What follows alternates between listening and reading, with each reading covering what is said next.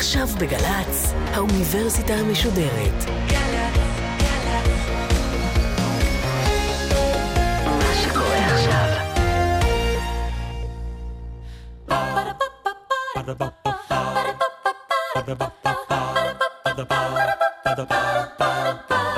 האוניברסיטה המשודרת מציגה מבוא ל עם קובי מידן, והסמסטר טקסטים מכוננים של הישראליות. והפעם שיחה עם הפרופסור מיכאל גלוזמן מאוניברסיטת תל אביב על עכשיו ובימים האחרים מאת יהודה עמיחי. עורכת ראשית מאיה גאייר. שלום לכם. בשנת 1955 רואה אור ספרו הראשון של המשורר הצעיר יהודה עמיחי. שם הספר עכשיו ובימים האחרים. נפתח את המפגש שלנו היום באחד השירים הידועים ביותר, האהובים ביותר וגם המצוטטים ביותר של עמיחי מתוך הספר הזה. אגב, השורה האחרונה שלו היא שהעניקה לספר את שמו. הנה זה. אלוהים מרחם על ילדי הגן. אלוהים מרחם על ילדי הגן, פחות מזה על ילדי בית הספר. ועל הגדולים לא ירחם עוד. ישאירם לבדם, ולפעמים יצטרכו לזחול על ארבע בחול הלוהט כדי להגיע לתחנת האיסוף והם שותתי דם. אולי על האוהבים באמת ייתן רחמים ויחוס ויצל כאילן על הישן בספסל שבשדרה הציבורית. אולי להם גם אנחנו נוציא את מטבעות החסד האחרונות שהורישה לנו אמא, כדי שאושרם יגן עלינו, עכשיו ובימים האחרים. פרופסור מיכאל גלוזמן, לשעבר ראש החוג לספרות באוניברסיטת תל אביב, בין ספריו, הפוליטיקה של הקאנון, קווי התנגדות בשירה העברית המודרני, ספר מרתק על הגוף הציוני, על תפיסת הגוף, המגדר, המיניות בספרות העברית החדשה, וספר שעומד לראות אור והוא קשור מאוד לנושא השיחה שלנו היום, לעמיחי, שירת התבואים, שירת שנות החמישים והשישים, ותופעות מלנכוליות מסוימות שקיימות בה. שלום לך, פרופסור גלוזמן. שלום רב. בוא נתחיל קודם כל מהשיר שאיתו פתחנו, אלוהים מרחם על ילדי הגן.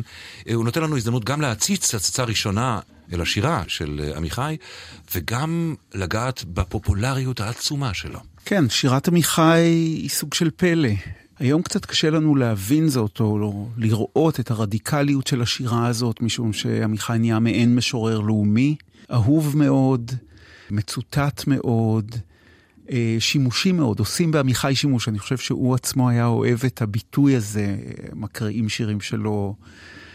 בחתונות, אה, בטקסים ממלכתיים לא, ואחרים, אבל גם, גם פרטיים, גם, פרטיים, mm-hmm. גם בהשכרות פרטיות, אומר, כן. כן. עמיחי היה מאוד אוהב את זה, אה, וזה מקשה לנו קצת לראות כמה עמיחי היה רדיקלי ויוצא דופן כאשר השירים הראשונים שלו הופיעו, כמה שהשירים שלו היו מזעזעים, מטלטלים.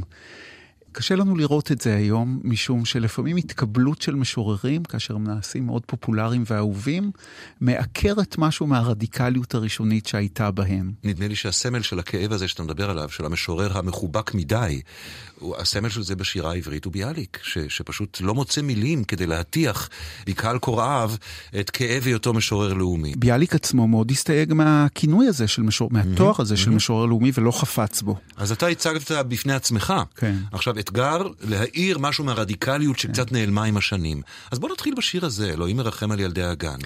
אני חושב שבראש ובראשונה הדבר שקשה לנו לראות היום, זה את האופן שבו עמיחי לוקח טקסטים מקודשים, שבני דורו הכירו היטב, ומחלן אותן או, או, או עושה בהם שימוש לא מקובל. למשל, את התפילה אל מלא רחמים. עמיחי שבא מרקע אורתודוקסי, הוא היה בן למשפחה אורתודוקסית אה, מווירצבורג בגרמניה, שעלה לארץ בגיל 11 והפך לחילוני בארץ. עמיחי לוקח תפילה ומרוקן אותה, או עושה בה שימוש מהופך. בשיר אחר אה, הוא יאמר, אלמלא האל מלא רחמים, היו רחמים גם בעולם ולא רק בו. את הדברים האלה אנחנו פחות רואים היום, או כל כך התרגלנו לשימושים האלה, שאנחנו לא אה, יכולים אולי לראות היום או לחוש, כאשר הטקסטים האלה הופיעו לראשונה, הם היו מטלטלים ומזעזעים. התחלת לגעת ברקע שלו, אתה אומר יליד גרמניה, אה, יליד 24, ושנות ילדותו המוקדמות הן במשפחה אורתודוקסית, מכאן גם הקשר mm-hmm. אל הטקסטים ש, שבהם הוא עוסק, שעליהם הוא עושה פרפרזות. אה, הוא מגיע לארץ בן 11, ו, ומהר מאוד המשפחה שלו מגיעה לירושלים. מלחמת העולם השנייה הוא בבריגדה היהודית. כן. חושבים הרבה פעמים שהמלחמה הראשונה שעמיחי לחם בה היא מלחמת השחרור. זה לא נכון. אה, הוא לחם בבריגדה. ההיוודעות שלו לשירה הייתה במהלך השירות שלו בבריגדה במצרים. יש סופת חול שגורמת לספרייה שלמה של הצבא הבריטי, ספרייה נודדת ברכב. אה, להתהפך, ופתאום הוא מוצא בחול ספרים, ובין השאר הוא מוצא שם אה, אנתולוגיה של אה, הוצאת הספרים פייבר אנד פייבר, אנתולוגיה של שירה מודרנית, וכך עמיחי נתקל במודרניזם האנגלו-אמריקאי, קורא את אודן. קורא דילן תומאס, קורא משוררים אחרים. והוא אומר שעד גיל 21 הוא לא כתב שורת שיר כן, אחת, כן. שזה כבר... די נדיר. בקרב המשוררים, כן, נדמה לי, לא? אני לא יודע אם זה נדיר, אבל uh, העובדה היא ש, שזה המפגש, המפגש עם השירה האנגלו-אמריקאית, uh, הוא שמוביל אותו אל השירה uh, ואל השירה המודרניסטית, uh, ולימים הוא יכתוב כבר לא בימי הבריגדה, אלא בימי מלחמת השחרור, הוא יכתוב uh, ללאה גולדברג, מכתב ידוע.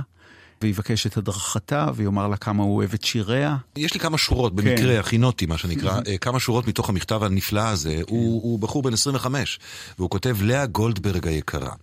ראשית כל אבקש את סליחתך על ששלחתי מכתב זה דווקא לקפה הרלינגר.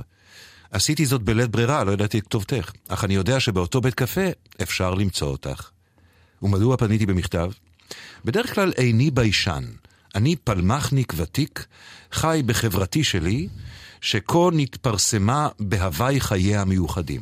ודווקא משום זה, קשה לי לגלות את עצמי ככותב חרוזים.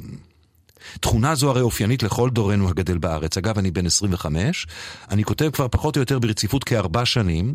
החלטתי שהגיע הזמן להעמיד את שלי לביקורת כללית יותר, מומחית יותר. והוא אומר לה בהמשך שהוא פונה אליה, מכיוון שהשירים שלה מדברים אליו אה, במיוחד.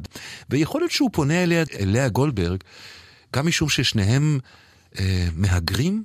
אתה יודע, היו בשירה העברית עוד אה, הרבה מהגרים בחבורת לקראת, שעמיחי היה חבר בה בתחילת שנות החמישים. הדמויות המרכזיות היו נתן זך. זייטלבך. זייטלבך, הארי זייטלבך, לימים כן. נתן זך, ובנימין הרושובסקי, לימים הרשב, שגם הם היו מהגרים. אז עובדת היותו מהגר לא הפכה אותו ליוצא דופן. אבל האהבה ללאה גולדברג היא מאוד מעניינת, כי חלק מבני דורו של עמיחי, ובמיוחד זך, מאוד הסתייגו משירת הדור הקודם, ובמיוחד משירת אלתרמן, שלונסקי וגולדברג. עמיחי לא היה שותף הרתיעה הזאת משירת גולדברג, גם לא היה שותף לרתיעה הזאת מהחריזה של הבית המרובע, הוא היה מהבחינה הזאת הרבה פחות לוחמני מזך. אנחנו מדברים על ההקשר התרבותי, ובעיקר כמובן ההקשר השירי, שאליו פורץ יהודה עמיחי ב-55, בסוף שנות ה-50. Mm-hmm. אתה מדבר על חבורת לקראת, ואתה מדבר על המרד או ההסתייגות שלהם מהחבורה שלפניהם. Mm-hmm. שרטט מעט את קווי ההבדל. אנחנו מתחילים, או אנחנו חושבים על לקראת כעל בעצם הקבוצה הראשונה שהיא קבוצה ישראלית. זאת אומרת, היא קבוצה שקמה לאחר הקמת המדינה ב-48. רוב חבריה היו סטודנטים באוניברסיטה העברית בירושלים. הם מתחילים להתכנס ב-1951 בהנהגת נתן זך ובנימין הרושובסקי, הרשב. אה, חברים בה גם משה דור, אריה סיוון, יהודה עמיחי, גרשון שקד. וחברים נוספים. המניפסטים הראשונים של לקראת מאוד uh, מעניינים, הם מדברים על כך שהם החבורה הראשונה שקמה, שמתארגנת לא בימים של מלחמה לשחרור לאומי. כלומר, המציאות שלהם היא מציאות שאחרי המלחמה, הם קוראים למציאות הזאת מציאות אפורה וזעופת קלסתר, והם אומרים שהמבחן שלהם הוא מבחן של ימי החולין. של הבוקר שלמחרת, שבעיניהם הוא מבחן חמור יותר. בעניין הזה הם כמובן מציבים את החיץ בעיקר בינם לבין אלתרמן, בין... המשורר הגדול נכון, של, של לבין... הפלמ"ח והלאה. הם עוד לא מעיזים לצאת נגד אלתרמן. זך יכתוב את המאמר הגדול נגד שירת אלתרמן רק ב-1959. בהתחלה הם יוצאים במובלע נגד משוררי דור הפלמ"ח, ובעיקר נגד חיים גורי. נגד הטון הזה של הנה מוטלות גופותינו, שורה ארוכה ארוכה, נגד הפאתוס של שירת דור הפלמ"ח, וכמובן נגד אלתרמן של הטור השביעי. זה באמת קשה לנו לראות מהשלב שבו אנחנו נמצאים היום. אנחנו נמצאים באמצע שנות החמישים, אתה מספר לנו. ויש חבורה של יוצרים צעירים שיוצאים גם נגד היוצרים שקדמו להם, הם יוצאים מחוויית המלחמה, מלחמת העצמאות, תכף ניגע בחוויה הזאת ועיצובה אצל עמיחי, אבל גם הם מפתחים את הסנטימנט הזה של, של אנטי-ממסדיות, של אנטי-מלחמתיות ושל אינדיבידואליזם אה, מודרניסטי כזה, מה שעוד כמה שנים, בשנות ה-60, יהפוך לנחלת הכלל, או לפחות לדבר ידוע ומקובל. שם זה נולד, באמצע שנות ה-50? בתחילת שנות ה-50, ממש בתחילת שנות ה-50. החבורה הזאת מתחילה לכתוב ב-51, והם אנטי-ממסדיים, אינדיבידואליסטים מאוד, מתעבים את הדרישות המפלגתיות מהשירה. היום קשה לנו להבין את זה, אבל הייתה תופעה עד לאותה עת שקראו לה ספרות ממופלגת. ממופלגת. כן. Mm-hmm. כלומר, תזכור שכמו שהיו עיתונים מפלגתיים כמו דבר וחירות ועל המשמר, היו גם משוררים שזוהו עם מפלגות פוליטיות. אלתרמן היה המשורר של מפא"י, ולכן הוא כתב בדבר. פן היה המשורר של מק"י, המפלגה הקומוניסטית הישראלית. שלונסקי היה המשורר של מפ"ם, לכן הוא פרסם בעל המשמר. אורי צבי גרינברג. אורי צבי גרינברג היה המשורר של חירות. והמפלגות הפוליטיות תמכו בממסדים הספרותיים, ובתמורה ציפו לכל שירי שייצג אותן. נדמה לי שאם היום אה, משורר יכריז על אה, אה, תמיכתו במפלגה מסוימת, המפלגה תיבהל. אבל זה עניין אחר. אבל, בוא, בוא. אבל כתוצאה מזה, המשוררים שאנחנו מדברים עליהם, המשוררים שהתחילו לכתוב בתחילת שנות ה-50, בזו לספרות הממופלגת, בזו למגויסות הפוליטית של כתיבה מטעם. זה לא שהם היו א-פוליטיים. אבל הם היו נגד שיוך מפלגתי, הם סלדו מהאופן שבו אלתרמן היה דוברו של בן גוריון. ולימים ב-57, כאשר אלתרמן מפרסם את עיר היונה, שזה מין אפוס לאומי אה, שמפאר את מלחמת העצמאות, אף אחד ממשוררי לקראת, או מי שלימים נקראו משוררי דור המדינה, לא יכול לאהוב ספר כזה. זה המהלך שאחר כך יזכה לכינוי הקלישאתי כמעט מלשון אנחנו ללשון אני. לגמרי. כלומר, אה, המעבר של השיר, כמו המעבר של התודעה, ממצב קולקטיבי לכך שהאינדיבידואל הוא במרכז. נכון. אנחנו נראה שאולי עמיחי הוא היוצא דופן מבין משוררי דורו, משום שהביוגרפיה כן נוכחת בשיריו. אפשר לראות שלמשל זך הוא המוחק הגדול של הביוגרפיה. הוא משתמש המון במילה אני, בניגוד למילה אנחנו. אבל אם אתה קורא את שירת זך, אתה רואה, אתה מאוד קשה לך לדעת מאיפה הוא בא. ואתה יודע, בהתחלה, בלקראת, הוא פרסם, כתב את שמו זין, מקף, כף סופית, והמקף הזה סימן את המחיקה. השם עצמו כבר גילם משהו מהמחיקה של הביוגרפיה, שמאוד אפיין את זך ואת חלק ממשוררי לקראת. דווקא עמיחי... אימא שלו נוכחת בשירים, אבא שלו נוכח בשירים, המשפחה נוכחת. יש איזה באמת יסוד ביוגרפי, ואני קורא שיר, כן. אה, שנקרא אוטוביוגרפיה בשנת 1952. Mm-hmm. כמה יותר ברור ומפורש אתה יכול להיות מאשר בכותרת השיר הזאת. אבי בנה עליי דאגה גדולה כמספנה. ופעם יצאתי ממנה, וטרם הייתי גמור. והוא נשאר עם דאגתו הגדולה, הרקע. ועימי? כאילן בחוף, בין זרועותיה הפשוטות אחריי. ובשנת 31 היו ידיי עליזות וקטנות, ובשנת 41 הן למדו להשתמש ברובה, וכשאהבתי אהבה ראשונה, היו מחשבותיי כצרור בלונים צבעוניים, ויד הנערה הלבנה החזיקה כולם בחוט דק, ואחר כך נתנה להם לעוף. ובשנת 51 הייתה תנועת חיי כתנועת הרבה עבדים משיטים הספינה. ופני אבי כפנס בקצה הרכבת המתרחקת. ואימי סגרה את כל העננים הרבים בארונה החום, ועליתי במעלה רחובי, כשהמאה העשרים היא הדם בעורקיי, דם שרצה לצאת בהרבה מלחמות ודרך פתחים רבים, לכן הוא דופק על ראשי מבפנים ומגיע בגלים כועסים אל הלב. זה לא סוף השיר, אבל אנחנו נעצור כאן. כן. שיר אה, נפלא. שיר נפלא. מאוד אוטוביוגרפי, אפילו ה...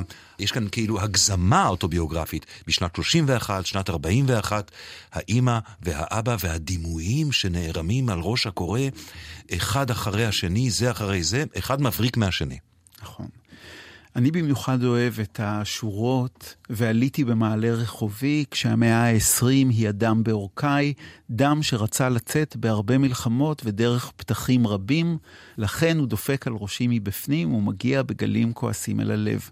ודן מירון אמר בצורה מאוד יפה שאצל עמיחי, האני הוא איזה מין מיכל שכל הזמן רוצה לשמור על הנוזל הזה, הפנימי, שלא יגלוש החוצה. וכאן גם המאה ה-20 היא הדם בעורקיי, דם שרצה לצאת בהרבה מלחמות ודרך פתחים רבים. צריך, האני צריך מאוד לשמור על עצמו, לגדר את עצמו. היום שוב, קשה לנו אולי לראות את זה, אבל בשנות ה-50 ובראשית שנות ה-60, עמיחי מבטא סנטימנט אנטי-מלחמתי מאוד מאוד עוצמתי.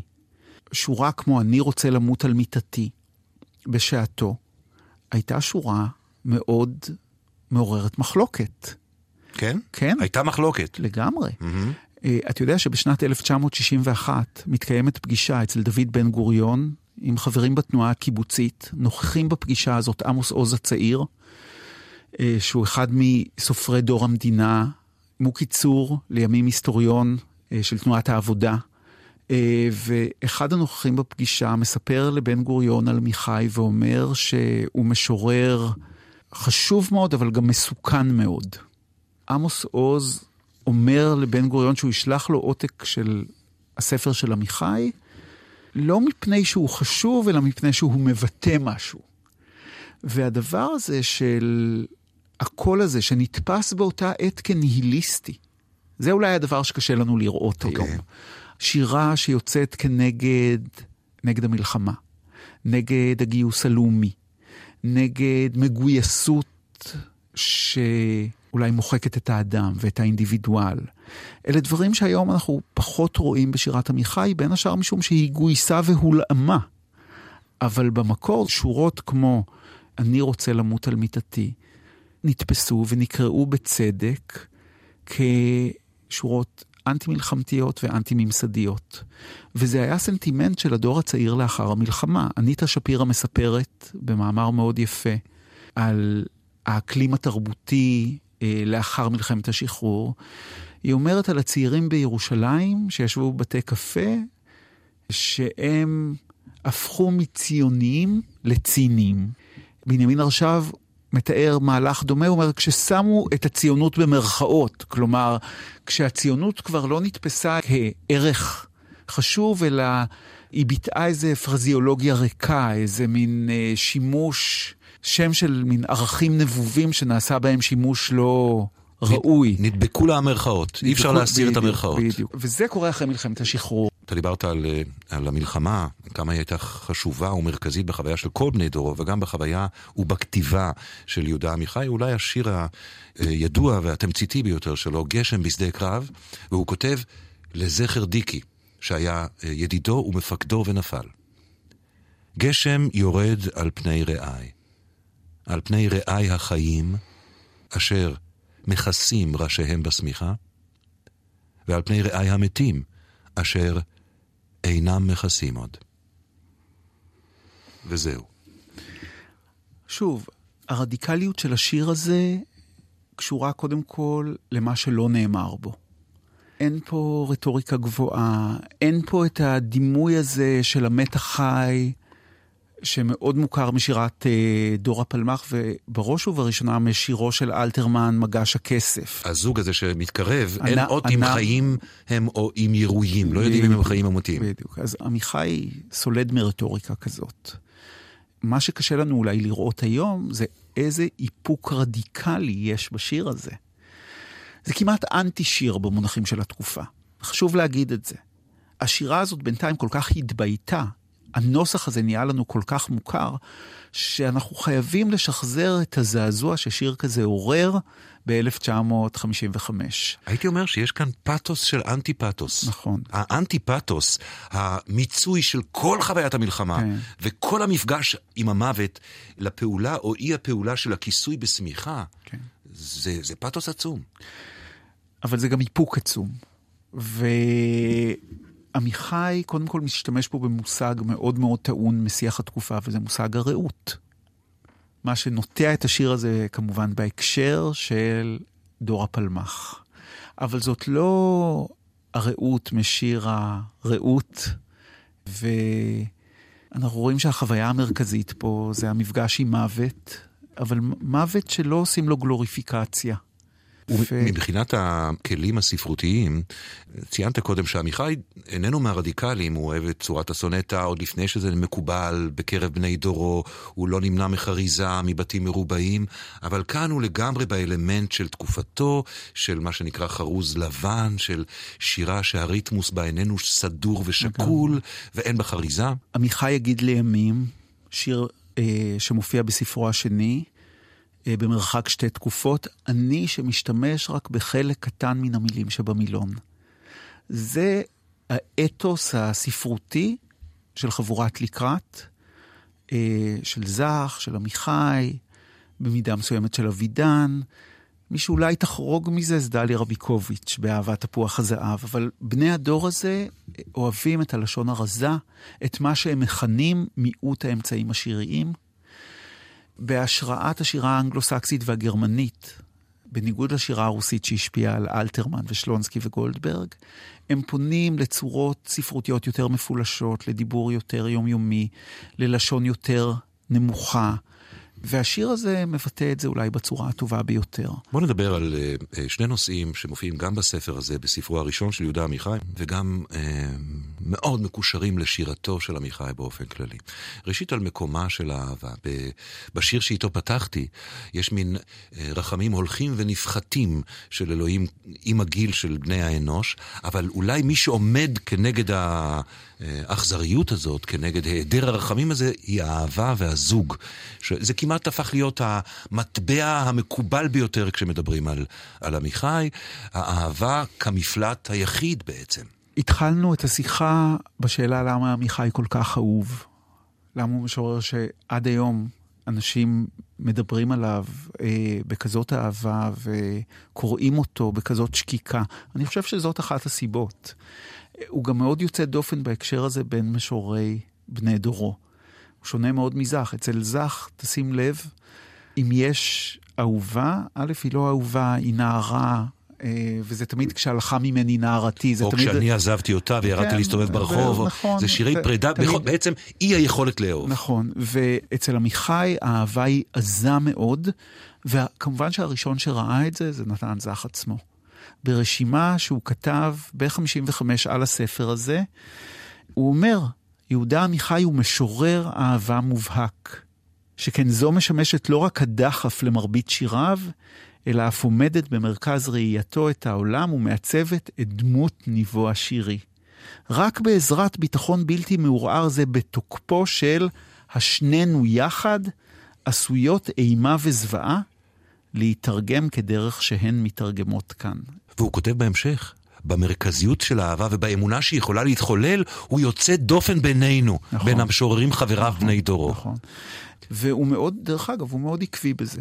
גם בשירתו המאוחרת, לא שמה, רק בשיריו הראשונים. אנחנו יכולים למצוא עוד אי אילו משוררים בתרבויות העולם ובתקופות כן. השונות שהעמידו את הדבר הזה הקטן שנקרא אהבה במרכז, במרכז חיי הרגש והכתיבה שלהם. אבל אני רוצה לשאול אותך, כשעמיחי ממרכז את האהבה, בשנות החמישים בישראל, איזה משיכת מכחול הוא מוסיף לגוש הצבעים הזה שנקרא ישראליות אז, בשנות החמישים? בספר אחר שלי, הגוף הציוני, כתבתי בהרחבה על uh, הציונות כציווי לגבריות מסוג מסוים. התרבות של שנות החמישים הייתה תרבות מאוד מצ'ואיסטית. עמיחי הוא נורא לא מאצ'ו. זה דבר מאוד מאוד יוצא דופן בעיניי. יש בו איזו רכות מדהימה. ו... לימים, אני נזכר בשיר שהוא כתב אה, לא מעט שנים אחר כך, שהוא אומר, אני, אני מדמיין איך זה להיות אישה, להיות כן. בלי שק האשכים בין רגליי. נכון, זה שיר הרבה יותר מאוחר. Mm-hmm. עכשיו, תשמע, הרבה משוררים כותבים על אהבה. אתה יודע, לאה גולדברג כתבה המון על אהבה, אבל זו תמיד אהבה בסימן כישלונה. בסימן השבר של אהבה. עמיחי לא, עמיחי כותב על אהבה ממומשת ומלאה וממלאה. וזה דבר, אה, דבר נפלא. אלוהים, גם איתו פתחנו את ה... עם הרחמים ההולכים ונפחתים שלו. אתה הזכרת גם את uh, אלמלא האל מלא רחמים וכולי. שתי מילים על, ה, על הייחוד של הדיאלוג של עמיחי עם אלוהים, שוב, בהקשר הדורי ובהקשר הישראלי של אז. תראה, בשיר נפלא שנקרא "והיא תהילתך", עמיחי יכול לומר, אלוהים שוכב על גבו מתחת לתבל, תמיד עסוק בתיקון, תמיד משהו מתקלקל. רציתי לראותו כולו, אך אני רואה רק את צוליות נעליו, ואני בוכה, והיא תהילתו. עכשיו, תשמע, זה, זה עד היום נפלא. הדבר הזה של אלוהים כגראז'ניק, שבמקום לתקן את המכונית מלמטה, מנסה לתקן את התבל, את הקלקול המתמיד הזה. קודם כל זה הכישרון הפיגורטיבי המדהים הזה. כלומר, של... הדימויים האלה, הדימויים שהם אבחת ברק, שהם ממש מכת ברק. עכשיו תראה כמה זה מעניין, משום שכמובן שבמסורת המונותאיסטית, אלוהים הוא בלתי נראה, ועמיחי הוא לא משורר נבואי, הוא מין משורר שהוא אנטי נביא.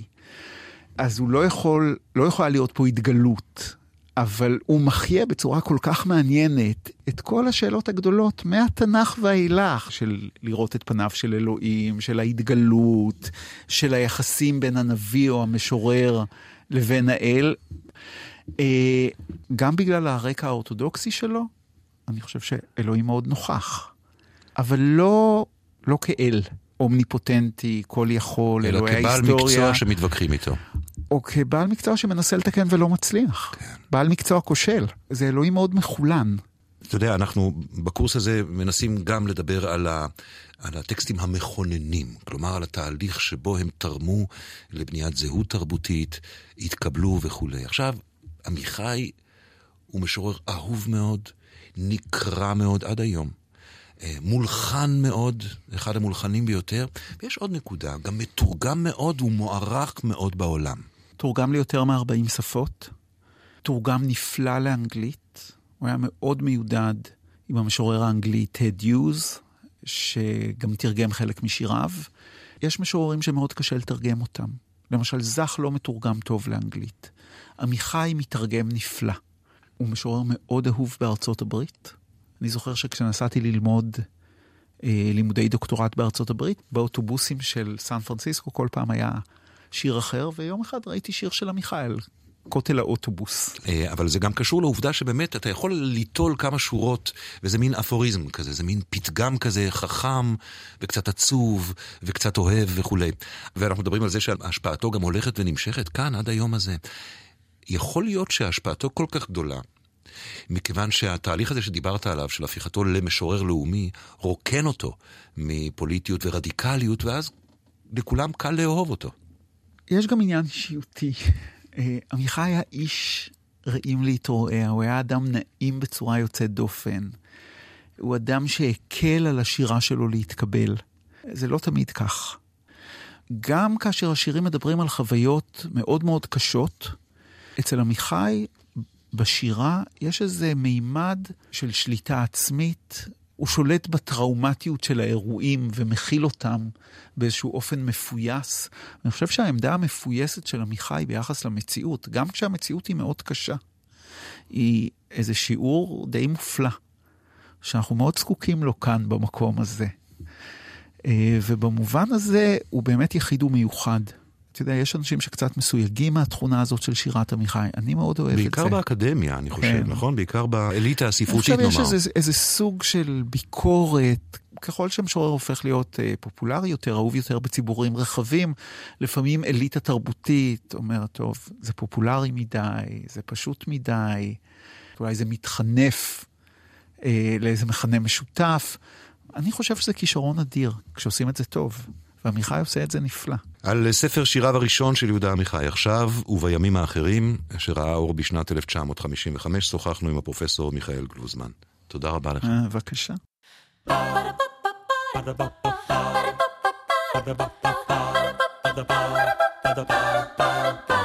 האוניברסיטה המשודרת מבוא ל. קובי מידן שוחח עם הפרופסור מיכאל גלוזמן מאוניברסיטת תל אביב על עכשיו ובימים האחרים, מאת יהודה עמיחי. עורכת ראשית מאיה גאייר. עורכת ומפיקה מיקה נחטיילר. מפיקה ראשית אביגיל קוש. מנהלת תוכן מאיה להט קרמן. האוניברסיטה המשודרת בכל זמן שתרצו, באתר וביישומון של גל"צ, וגם בדף הפייסבוק של האוניברסיטה המשודרת.